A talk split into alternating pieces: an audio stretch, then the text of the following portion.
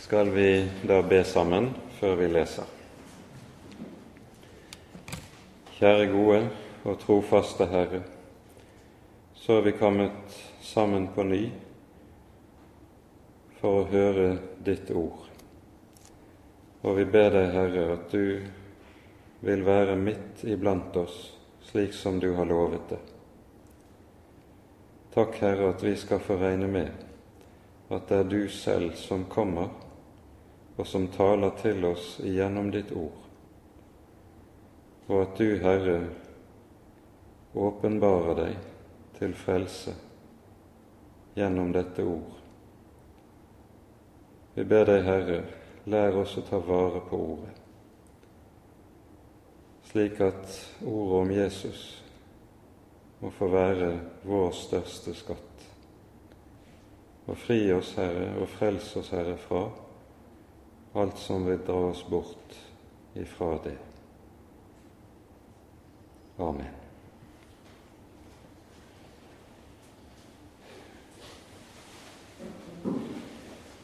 Når vi leser det 15.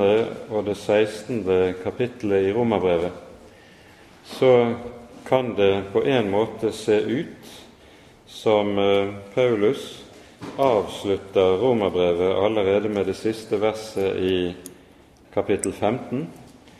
Eh, dersom det var slik at brevet var avsluttet med dette, så var det ingen som hadde stilt noen spørsmål eller følt at noe manglet i romerbrevet. Men så kommer likevel kapittel 16 som et slags vedheng, og vi forstår av sammenhengen at det er et nødvendig vedheng.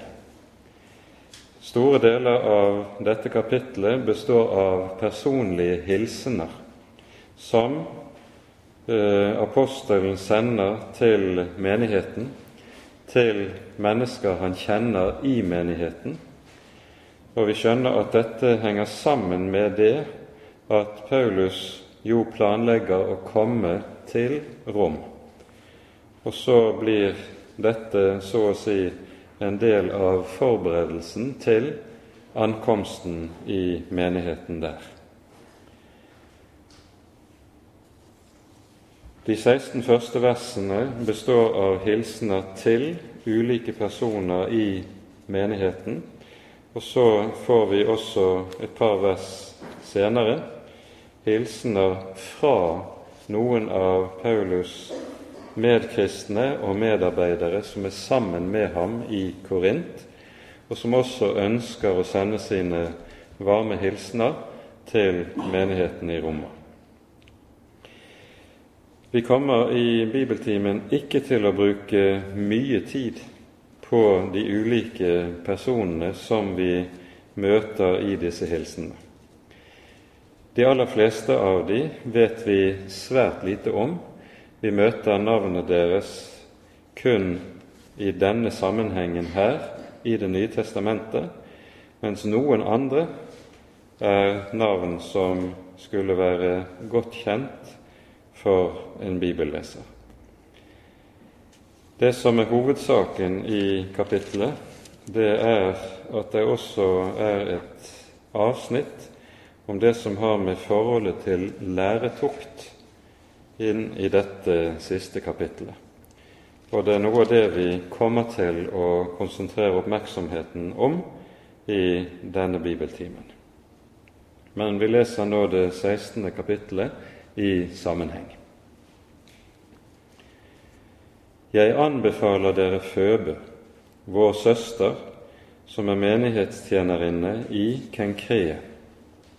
Ta imot henne i Herren, slik det sømmer seg for de hellige, og støtt henne i alle saker der hun kan trenge hjelp fra dere. For også hun har vært til hjelp for mange, også for meg. Hils Priska og Akvilas, mine medarbeidere i Kristus Jesus.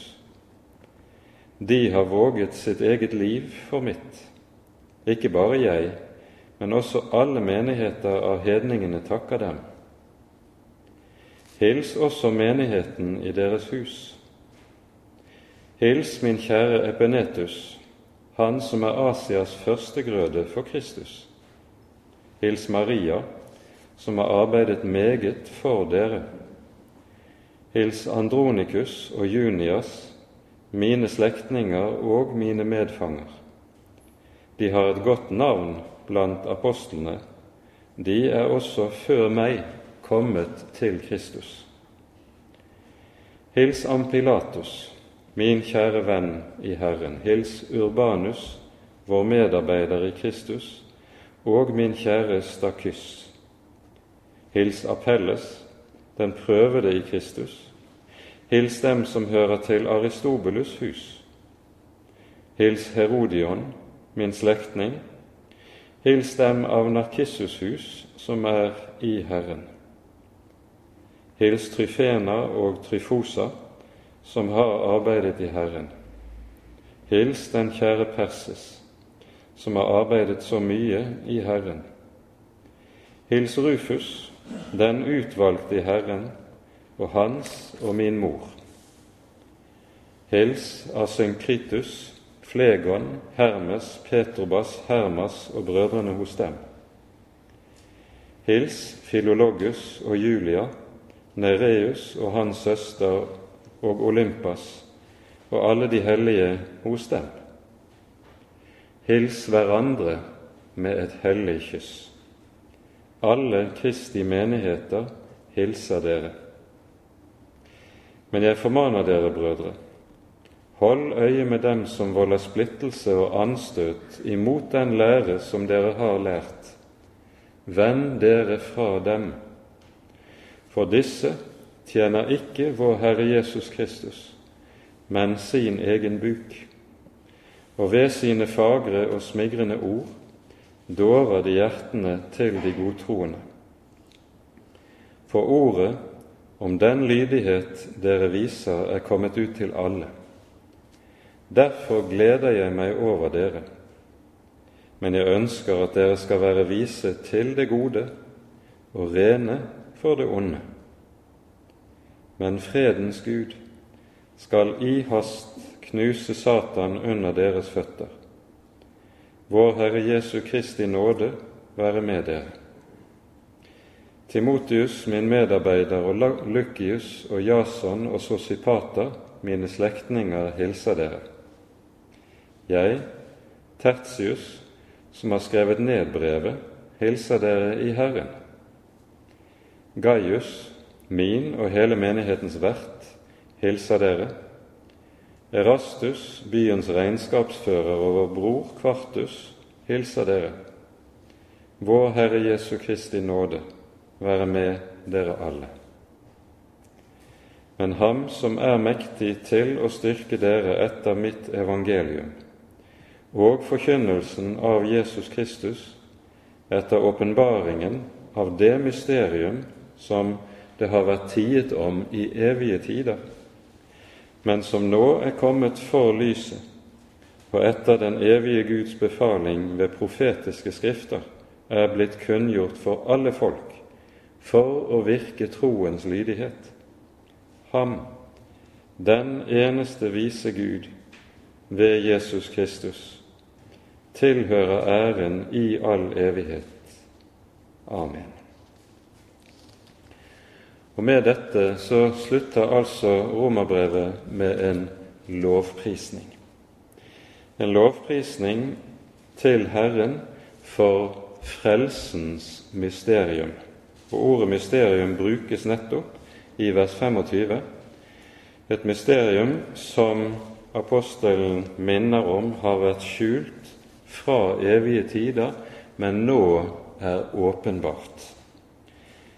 Og så knytter han likesom sammen med begynnelsen i brevet, fordi han i åpningen av romerbrevet jo understreker meget sterkt at det evangelium som han forkynner, det er gitt i hellige skrifter.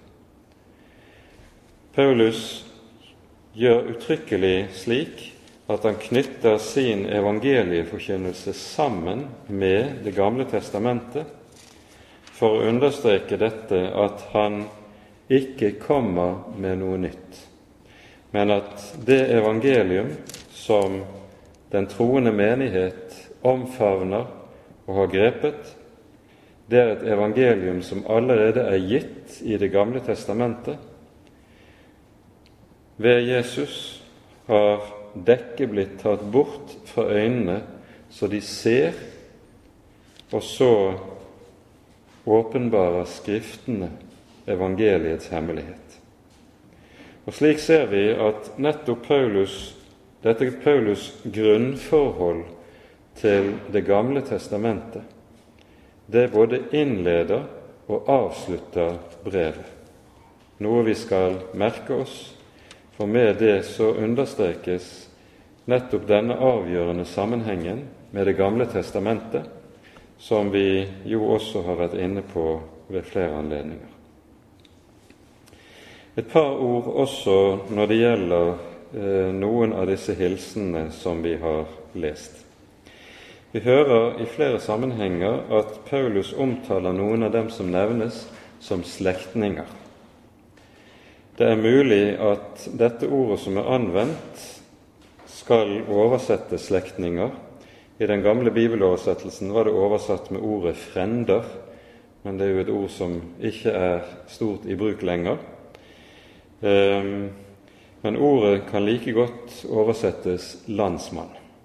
Og vi vet egentlig ikke om det er det ene eller om det er det annet Paulus mener når dette ordet anvendes i grunnteksten. Så det forstår det som et åpent spørsmål. For det andre så hører vi flere steder at det er tale om menigheten i et hus. Og det er i hvert fall tre forskjellige steder eller hus som omtales som antagelig har vært som hjem, samlingspunkter for menigheten. Det dette antagelig sikter hen til, er at romermenigheten på dette tidspunkt allerede er blitt så stor at den måtte deles inn i flere mindre undergrupper som var samlet i forskjellige hus.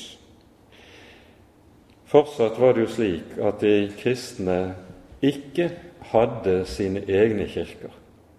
De samlet seg i private hjem, og da gjerne i private hjem som var store nok til at det kunne huse en god del mennesker.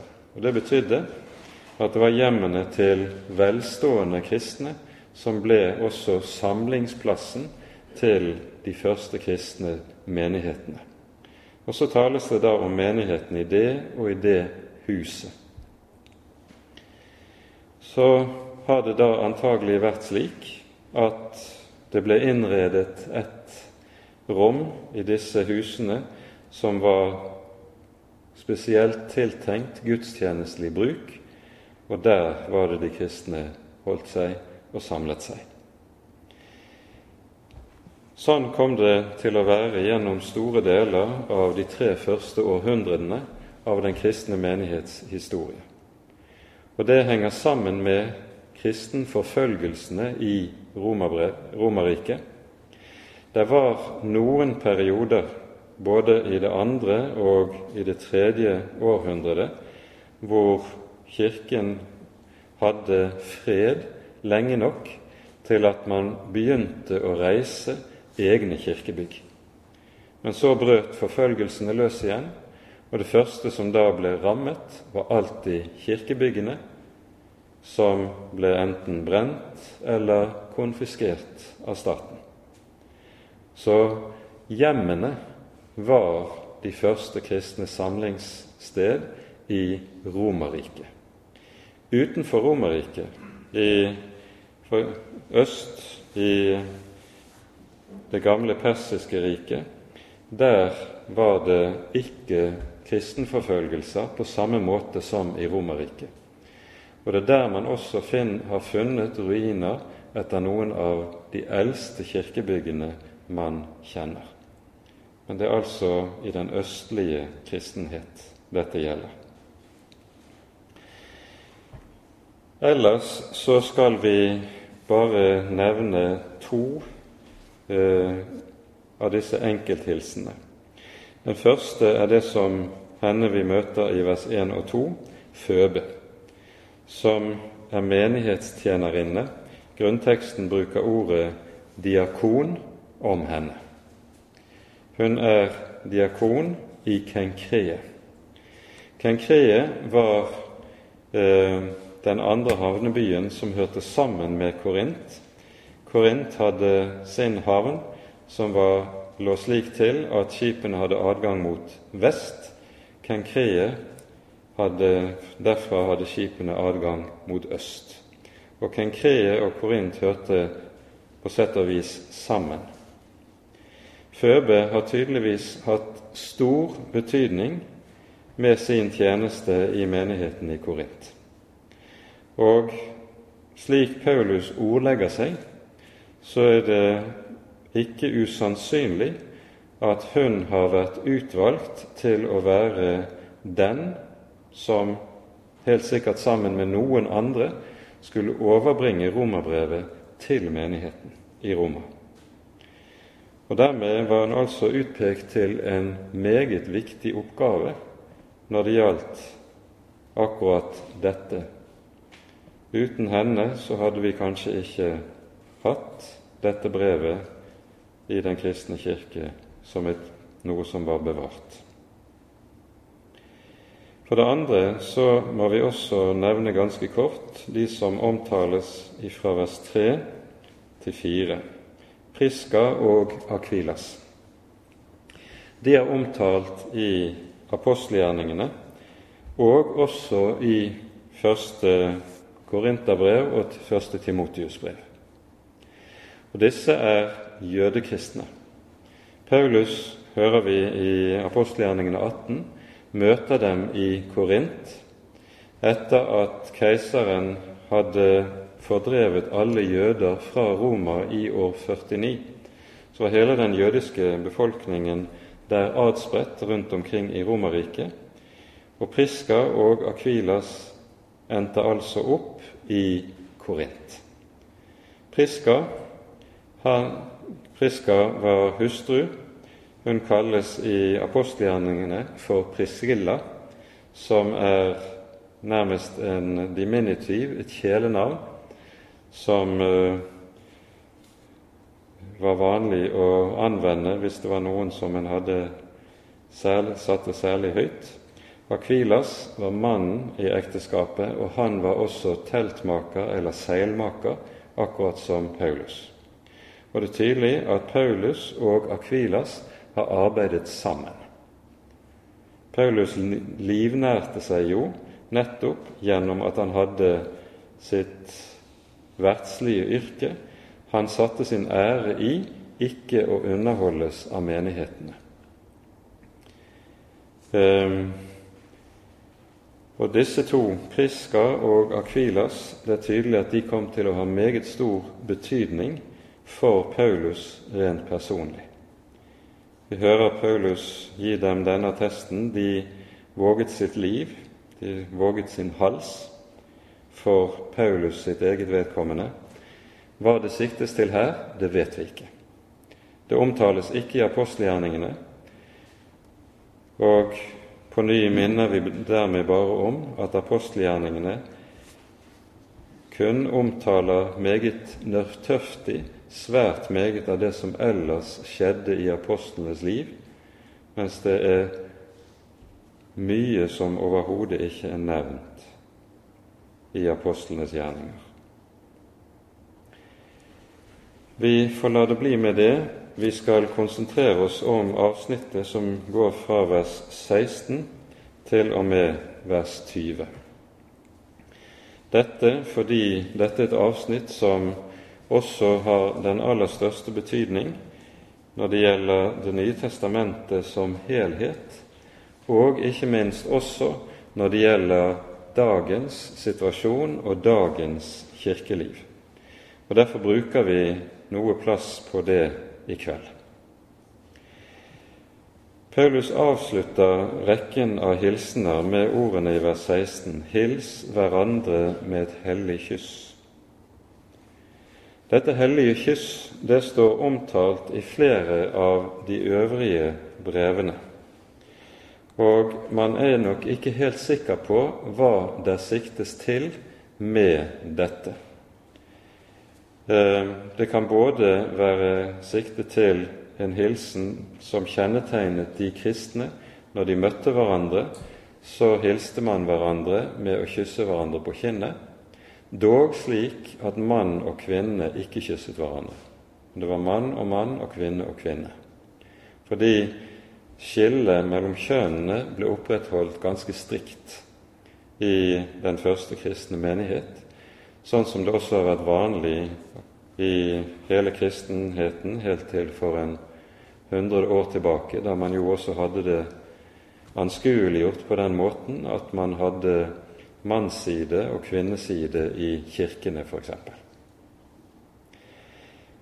Det er også mulig at dette hellige kyss sikter til noe annet, nemlig en liturgisk handling.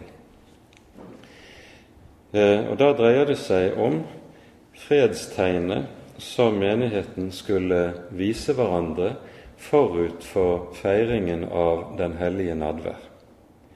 Dette fredstegnet kalles gjerne i liturgikken for i dag for pax.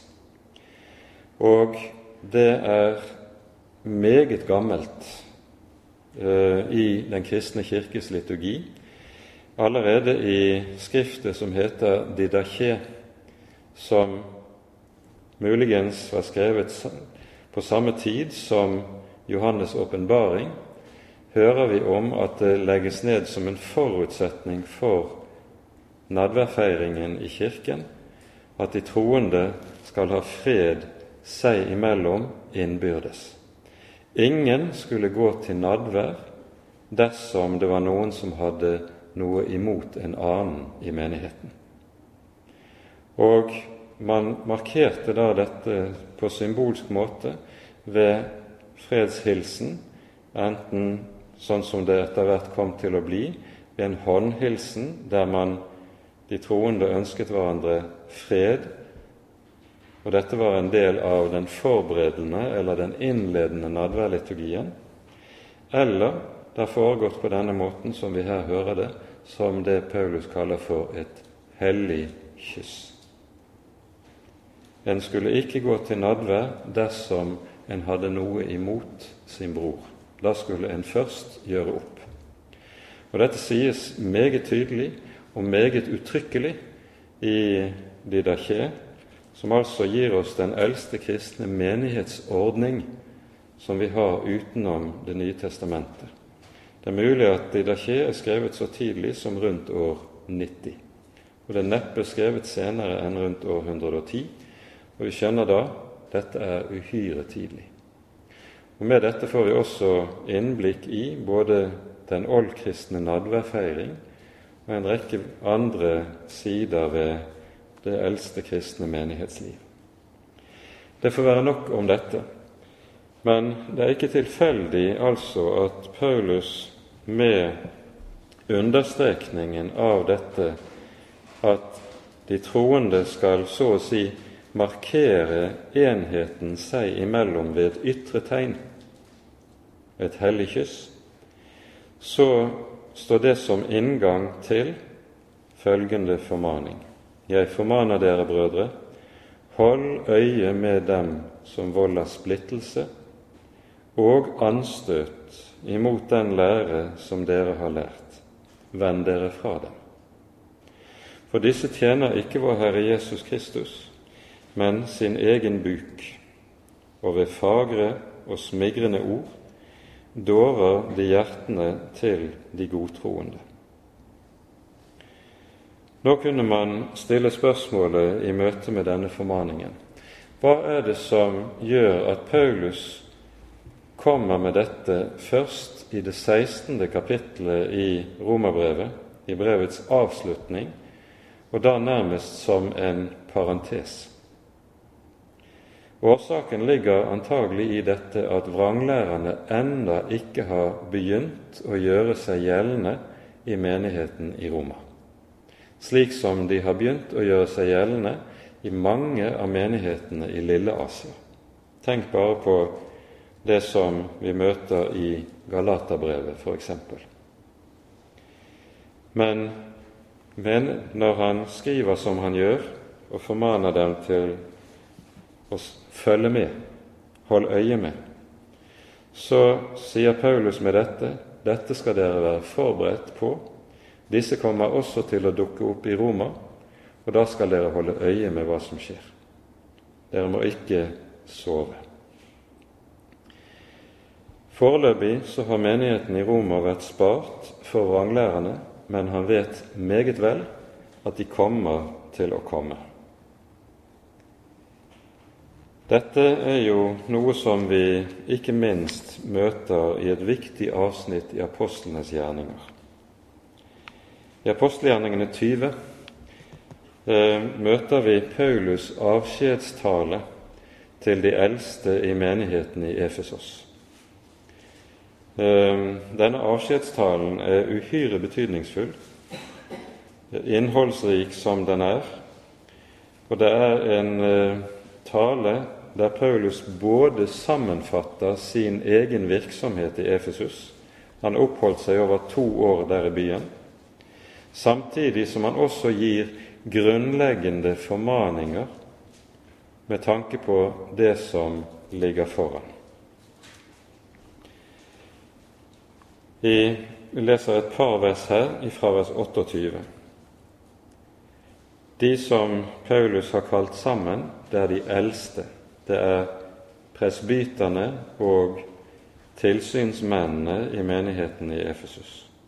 Og han sier til disse.: Så gi da akt på dere selv og på hele den jord som Den hellige ånd har satt dere som tilsynsmenn for, for at dere skulle vokte Guds menighet, som Han vant seg med sitt eget blod.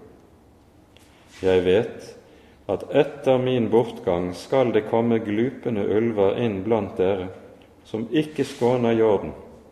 Ja, blant dere selv skal det fremstå menn som fører falsk tale for å lokke disiplene etter seg. Våg derfor. Når Paulus bruker dette uttrykket 'glupende ulver', så skjønner vi at det som ligger bakom, det er Jesu ord om denne saken i Bergpreken.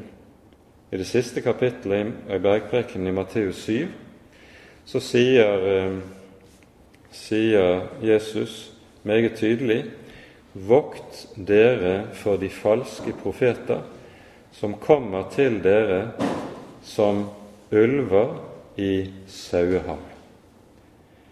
De kommer altså utkledd på en slik måte at de ser uskyldige og tilforlatelige ut, men er det Paulus her kaller det for, glupende ulver som ikke sparer jorden. Slik ser vi at Paulus legger vind på, når, særlig med tanke på menighetens ledelse, og formane til årvåkenhet i forhold til det som har med læren å gjøre. Går vi tilbake til Romane 16, så legger vi merke til at Paulus innleder med sin tale om vranglærerne med å si Hold øye med dem som volder splittelse og anstøt. I dag er det jo ofte slik at en får høre at det er de som tror på Bibelen, som splitter Kirken. Mens eh, vranglærerne gjerne har det med seg at de sier som så dette er nå ikke en så alvorlig sak at vi behøver å skille lag av den grunn. Vranglærerne er det vi kan kalle for runde og tolerante, mens De som tror på Bibelen, beskyldes altså for det motsatte. Men vi skal merke oss i Bibelen er det konsekvent slik at vranglærere anses som de som er de som splitter menighetene.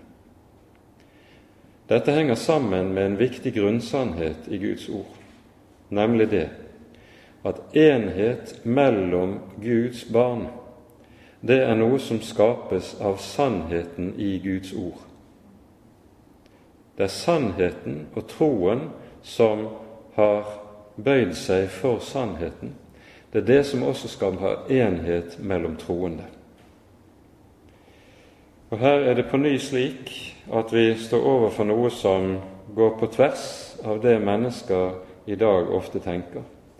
For de tenker som så at det som skaper enhet mellom de troende, det er kjærligheten. Men slik tenker ikke Bibelen. Bibelen lærer oss at det er sannheten som skaper enhet mellom Guds folk. Og Dette ser vi understreket i en rekke sammenhenger i Det nye testamentet. Kanskje vi skal minne om to viktige tekster i så måte. Først fra 1. Johannes brevs første kapittel.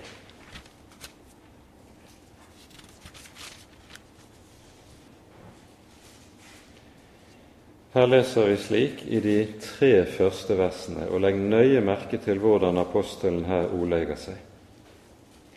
Det som var fra begynnelsen, det vi har hørt, det vi har sett med våre øyne, det som vi betraktet og våre hender rørte ved, om livets ord. Og livet ble åpenbart, og vi har sett det og vitner og forkynner dere livet, det evige, som var hos Faderen og ble åpenbart for oss.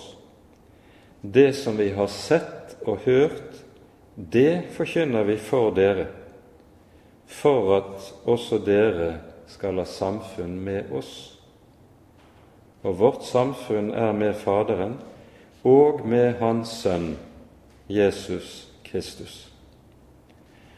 Legg merke til hvordan altså Johannes skriver. Det vi har hørt og sett, det forkynner vi for at dere skal ha samfunn. Samfunnet, fellesskapet, enheten, er en frukt av den levende forkynnelse av Guds ord. For Guds ord er troens rot. Sannheten er troens grunnvoll. Kjærligheten, den er troens frukt. Og Derfor er det også slik at det er det som er troens grunnvoll, som skaper enhet, ikke det som er troens frukt. Troens frukt, som er kjærligheten, den kan utdype en enhet som allerede er til stede men den kan ikke skape den hvis den ikke er til stede. Og dette er viktig å være klar over. Dette er en grunnsannhet i Guds ord. Det er sannheten som skaper enhet mellom de troende. Og Derfor hører vi også Paulus understreke sånn som han gjør det i Efeserbrevets fjerde kapittel, et avsnitt som vi har vært inne på ved flere anledninger tidligere men vi leser nå på ny dette avsnittet, Efesane 4, fra vers 3 til 6. Her kommer det som en formaning til de troende å legge vind på enheten. Legg vind på å bevare Åndens enhet i fredens sambånd. Og så følger det det er ett legeme og én ånd like som dere òg ble kalt med ett håp i deres kall. Det er én Herre, én tro, én dåp. Én Gud og alles Far, Han som er over alle og gjennom alle og i alle. Og så skjønner vi det gir seg selv når det er sannheten i Guds ord som skaper enhet, så vil det også med nødvendighet være slik at der Guds ord forvanskes eller forfalskes eller fornektes, der ødelegges enheten. Og Derfor er Det nye testamentet helt entydig nettopp i dette, Vranglærere er de som splitter og ødelegger menighetene. Og Derfor er det også slik, som vi har sett det i en del diskusjon i dagspressen det siste halvåret, der det har vært tale om det som kalles for kirkesplittende vranglære. Ja, det er et helt nytestamentlig og saksvarende uttrykksmåte der hvor avgjørende sannheter i Guds ord fornektes, der står vi overfor nettopp kirkesplittende vranglære. Og Guds folk har befaling fra Gud om ikke å opptre på en slik måte at man opptrer i enhet med vranglærere. Vranglærere skal, som Paulus sier det, vi vende oss fra de skal vises bort.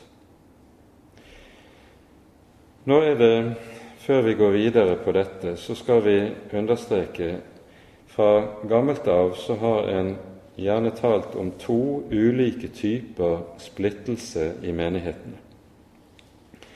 Første, den første typen er det som vi allerede har vært inne på, det som skapes av vranglære, det andre er det som gjerne kalles for den skismatiske type av splittelse. Det er altså splid mellom kristne som ikke har sin grunn i læremessige forhold, men i personlig, menneskelig forhold. Den slags splittelse bedømmer Det nye testamentet entydig som synd, mens det å skille lag med vranglærere det er noe som Det nye testamentet like entydig befaler.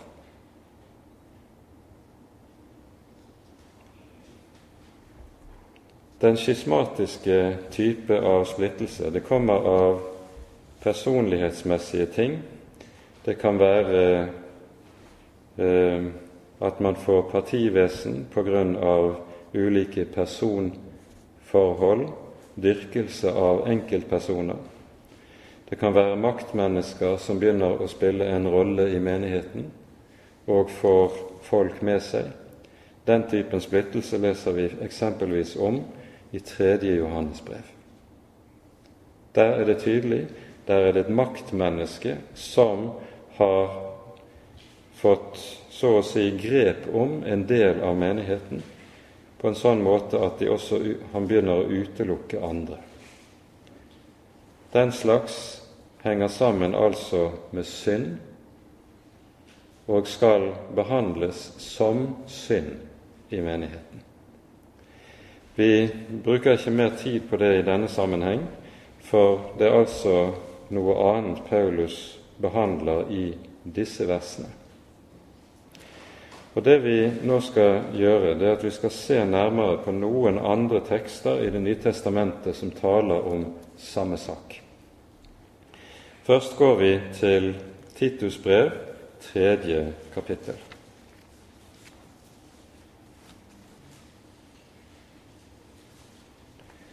Her leser vi vers 10 og vers 11. Titus var jo tilsynsmann eller biskop eh, for menigheter som Paulus hadde sendt ham til på Kreta.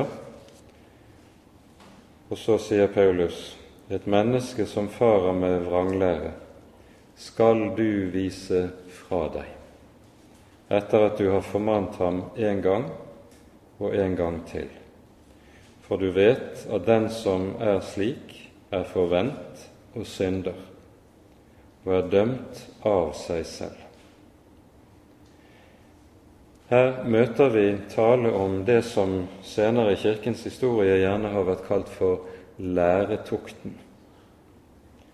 Det at særlig de som har ansvar for menighetens ledelse, det åndelige ansvaret i menigheten, de skal ikke minst våke over at Guds ord blir forkynt klart og rent, og der hvor ordet forfalskes, og det dukker opp slike som ikke forkynner Guds ord rett, der er de forpliktet til å gripe tak i det.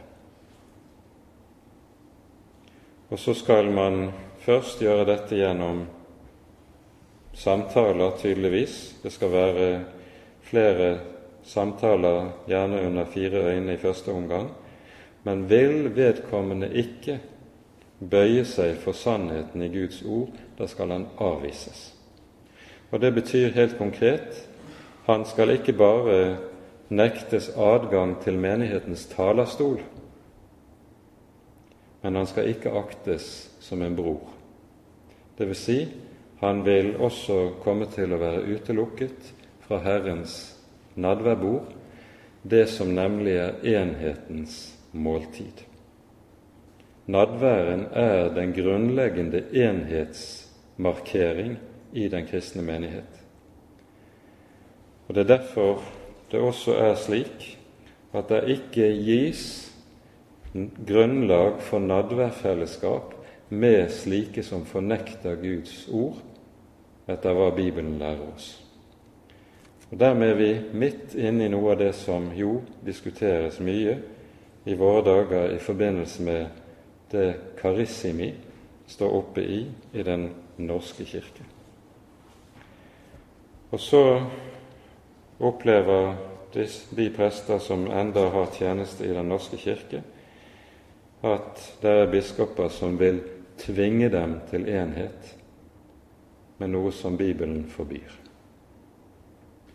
Det er et ikke enkelt dilemma disse prestene står oppe i, og de trenger mye støtte.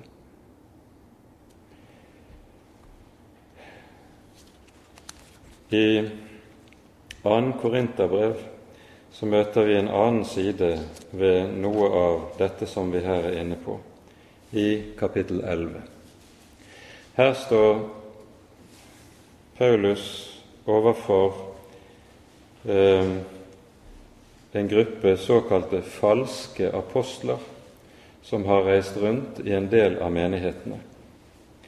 Og Disse falske apostlene de ikke bare forkynner vrang lære, men de, deres forkynnelse er også preget av det at de søker å ødelegge tilliten til Paulus gjennom å angripe ham personlig. Altså, de taler baktaler Paulus, prøver på ulike måter å finne svakheter, negative trekk, ved Paulus' person og ved Paulus' tjeneste. For ved å ramme Paulus personlig vil en også ramme tilliten til ham, og følgelig dermed også tilliten til det budskap han forkynner. Og Derfor hører vi at Paulus forsvarer seg selv her i kapittel 11 og 12 i andre Korinterbrev. Ikke fordi han er interessert i selvforsvar, men fordi han vet at det avgjørende for tilliten til det budskap han forkynner som apostel, at ikke falske anklager blir hengende ved ham. Og Det er derfor han også forsvarer seg i møte med disse falske anklager som blir hvisket i baktalelse i krokene. I denne sammenheng så adresserer han også vranglærerne meget tydelig. I, vi leser bare vers 4 i første omgang. Han sier om det kommer en til dere og forkynner en annen Jesus, som vi ikke har forkynt, eller om dere får en annen ånd som dere ikke før har fått, eller et annet evangelium som dere ikke før har mottatt, da tåler dere det gjerne. Det vi har sett i det foregående, er at Paulus formaner både Titus personlig som menighetsleder og menigheten i Rom som fellesskap til at den slags skal nettopp ikke tåles. Saken er jo den her at her står vi overfor en måte å tenke på i Det nye testamentet som går rakt på tvers av det som er vanlig å tenke i vår tid. Vi lever i toleransens tidsalder. Og toleransen er likesom det største gode, og det er nettopp det dette ordet som avslutter verset her, innebærer. Da tåler dere det, da tolererer dere det så gjerne. Den kristne menighet skal ikke tolerere fornektelse av Guds ord. For da blir vi stående med en annen Jesus. Det det nemlig dreier seg om her, det som står på spill, det er frelsen. For der Guds ord fornektes eller forfalskes, der kan en nettopp komme til å forlise selve frelsen og komme til å gå fortapt. Dette sies uttrykkelig om vranglærens konsekvenser, f.eks. i 2. Peters brev. Der tales det om de falske profeter som fører i fortapelse. Det er det store alvor. Og I Galaterbrevet møter vi den samme tone hos apostelen Paulus, der hvor menigheten tåler et annet evangelium. Der fører det til, sånn som Paulus ordlegger seg i Galaterbrevet, dere faller ut av nåden. Å miste Guds ords klarhet er å miste nåden det er å miste frelsen. Det er så dype og store ting det dreier seg om. Og Derfor kan man ikke likegyldig trekke på skuldrene og si dette spiller nå ingen rolle, det er jo bare ulike meninger. Vi må jo kunne være gode venner likevel. Nei. For Guds ord er ikke en mening.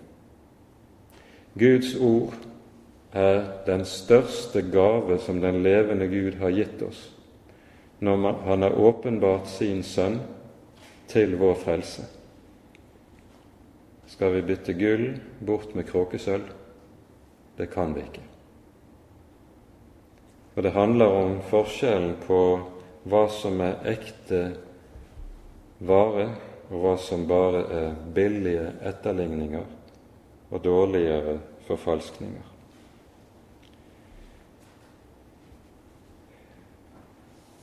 Litt lenger ute i kapittel 11 i andre Korinterbrev så kommer Paulus tilbake til disse falske apostlene.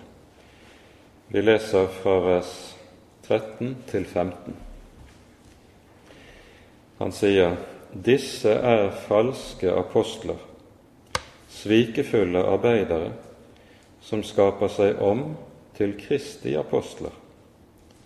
Og det er ikke noe å undre seg over, for Satan selv skaper seg jo om til en lysets engel. Da er det ikke noe stort om også hans tjenere omskaper seg til rettferdighetens tjenere. Men for dem skal enden svare til deres gjerninger. Paulus bruker et uhyre kraftfullt språk. Men apostelens språk er nettopp saksvarende. Det er en språkbruk som svarer til hva som er de faktiske og virkelige forhold. For slik som Det nye testamentet ser på det og tenker, så er det slik at vrang lære er noe som kommer fra djevelen selv. Og Derfor er vranglærere Satans tjenere, slik som Paulus skriver det her. Det er den samme ånd som på syndefallets dag kom og sa:" Har Gud virkelig sagt? Det er den samme ånd som taler gjennom vranglærerne gjennom alle tider. Vrang lære kommer nedenfra. Og Derfor er vrang lære noe ikke som noe en skal forhandle med, men noe som Bibelen lærer oss vi skal avvise. Der hvor den ånd kommer inn som vi hører om i Korint, når Paulus sier 'dere tåler det gjerne', så er følgen av det, denne holdning at du får denne tenkningen 'min mening er like god som din mening'. Følgen av den det er at en får den oppfatning kommer til å få plass at Guds ord er uklart. For hvis Guds ord ikke taler klart i det eller i det, men man kan ha de mest forskjellige meninger ut fra det samme Guds ord, så sier man jo med det også Ordet har ingen klar mening, jeg kan tolke det som jeg vil. Og ødeleggelsen av troen på Bibelens klarhet er et av de alvorligste trekkene som også følger i vranglærens fotspor.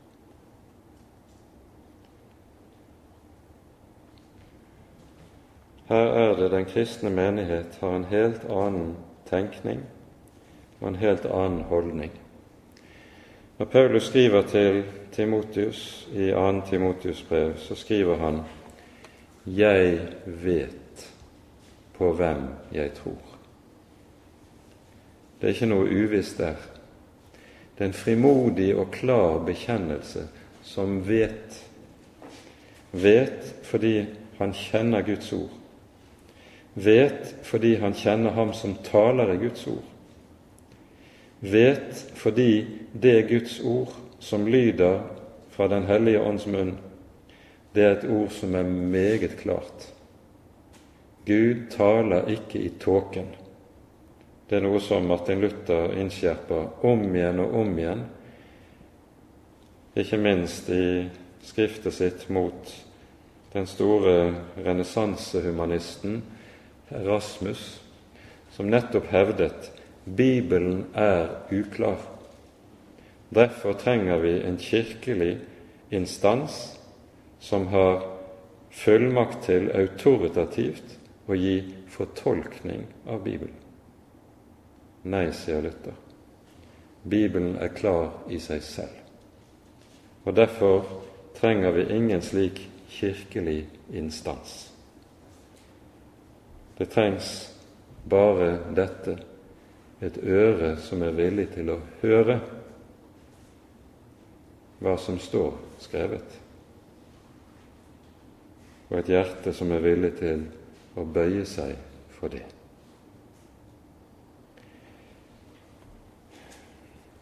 Det er mye mer å si om disse tingene, men tiden løper ut for oss. Når lærevernet er så avgjørende for den kristne menighet, så henger det altså sammen med at det er selve frelsen som står på spill. Å lære vernet er så å si i Kristi legeme det samme som immunforsvaret er i kroppen vår. Spiller nøyaktig samme rolle. Lærevernet har som oppgave å verne Kristi legeme mot infeksjoner som vil komme til å ramme, kan ramme kroppen, ødelegge kroppen og kanskje sågar føre til død. Og vi vet hvordan det er der immunforsvaret ødelegges. Vi har jo en lidelse som er blitt så kjent de siste 30 årene, som nettopp rammer immunforsvaret. Der immunforsvaret ødelegges, blir selv den minste infeksjon kan den minste infeksjon bli fatal. Der lærevernet blir borte i den kristne menighet, der dør også menighetene. Og Derfor bruker også Paulus et annet bilde i 1. Timotius brev. Det er også et drastisk bilde. Han taler i kapittel 2 i 1. Timotius brev om to navngitte vranglærere og sier om dem deres ord vil ete om seg som dødt kjøtt. Det er snakk om koldbrann. Med koldbrann er det jo slik hvis det døde ikke skjæres bort, så vil det uvegelig komme til å spre seg videre. For her er det slik det onde har det med seg at der hvor det ikke settes grense for det og bom for det, der vil det alltid spre seg. Det er lik surdeigen. Og Jesus sammenligner nettopp vrang lære med det i Matteus 16. Vi rekker ikke å se nærmere på disse tekstene, men vi merker oss kun hva Paulus sier om disse vranglærerne som er på vei. Disse tjener ikke vår Herre Jesus Kristus, men sin egen buk, og ved sine fagre og smigrende ord dårer de hjertene til de godtroende. Vranglærernes ord karakteriseres nettopp som fagre og smigrende. Det ordet som her er oversatt med 'smigrende', det betyr å bokstavelig å godsnakke med. De godsnakker med folk. Det er det som Paulus i en annen sammenheng kaller for ord som klør folk i øret. Det som kjennetegner vranglærerne, det er at de kommer med en kristendom som passer for det gamle mennesket. Og derfor er deres lære og forkynnelse alltid tiltalende for det gamle mennesket. Det klør i øret. Det som kjennetegner det levende Guds ord, det er at det alltid har det med seg at det er noe skarpt i det. Herren døder og gjør levende. Herren gjør to gjerninger. Herren har det med seg at han sier uten at noen hater sitt eget liv, kan han ikke komme inn i Guds rike. Den som ikke tar sitt kors opp og følger meg, er meg ikke verd. Slike toner kommer ikke fra vranglærerne. Der kommer godsnakket. Gud er kjærlighet, og det viktigste er jo at vi er snille og greie. Den tonen lyder stadig. Det er fagre ord, det er smigrende ord, og de vinner oppslutning, men det er ikke sanne ord. I vår bibel lærer vi og ser vi at når verden går mot sin avslutning, så kommer vranglærerne til å bli tallrike. Og det ser ut til at store deler av kristenheten skal komme til å falle som bytte for disse. Og så er det Jesus, nettopp i møte med det som han taler om og peker på, kommer med én særlig formaning til Guds folk våk.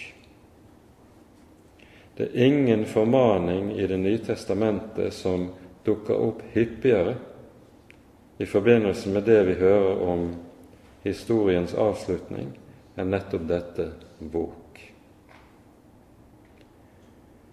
For det å være våken nettopp i forhold til hva vi blir servert, hva vi får høre, og ikke godtroende godtar hva som helst, det er en livsnødvendighet for den kristne menighet. Vi minner igjen om det som vi har pekt på tidligere i skapelsen. Når Gud skapte lyset, så står det og Gud så at lyset var godt, og han skilte lyset fra mørket. Å skille mellom løgn og sannhet, skille mellom godt og ondt, skille mellom hellig og vanhellig, det er en nødvendighet for at Guds menighet skal kunne leve og skal kunne bli bevart. Vi rekker ikke mer i kveld, men dere skjønner alle hvor aktuelt dette som Paulus her er inne på, er også inn i vår egen tid. Og så må Gud gi oss nåde til å våke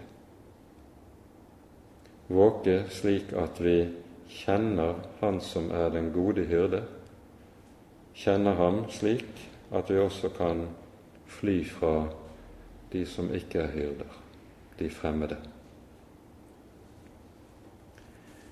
Ære være Faderen og Sønnen og Den hellige ånd, som var og er og være skal, en sann Gud, høylovet i evighet. Amen.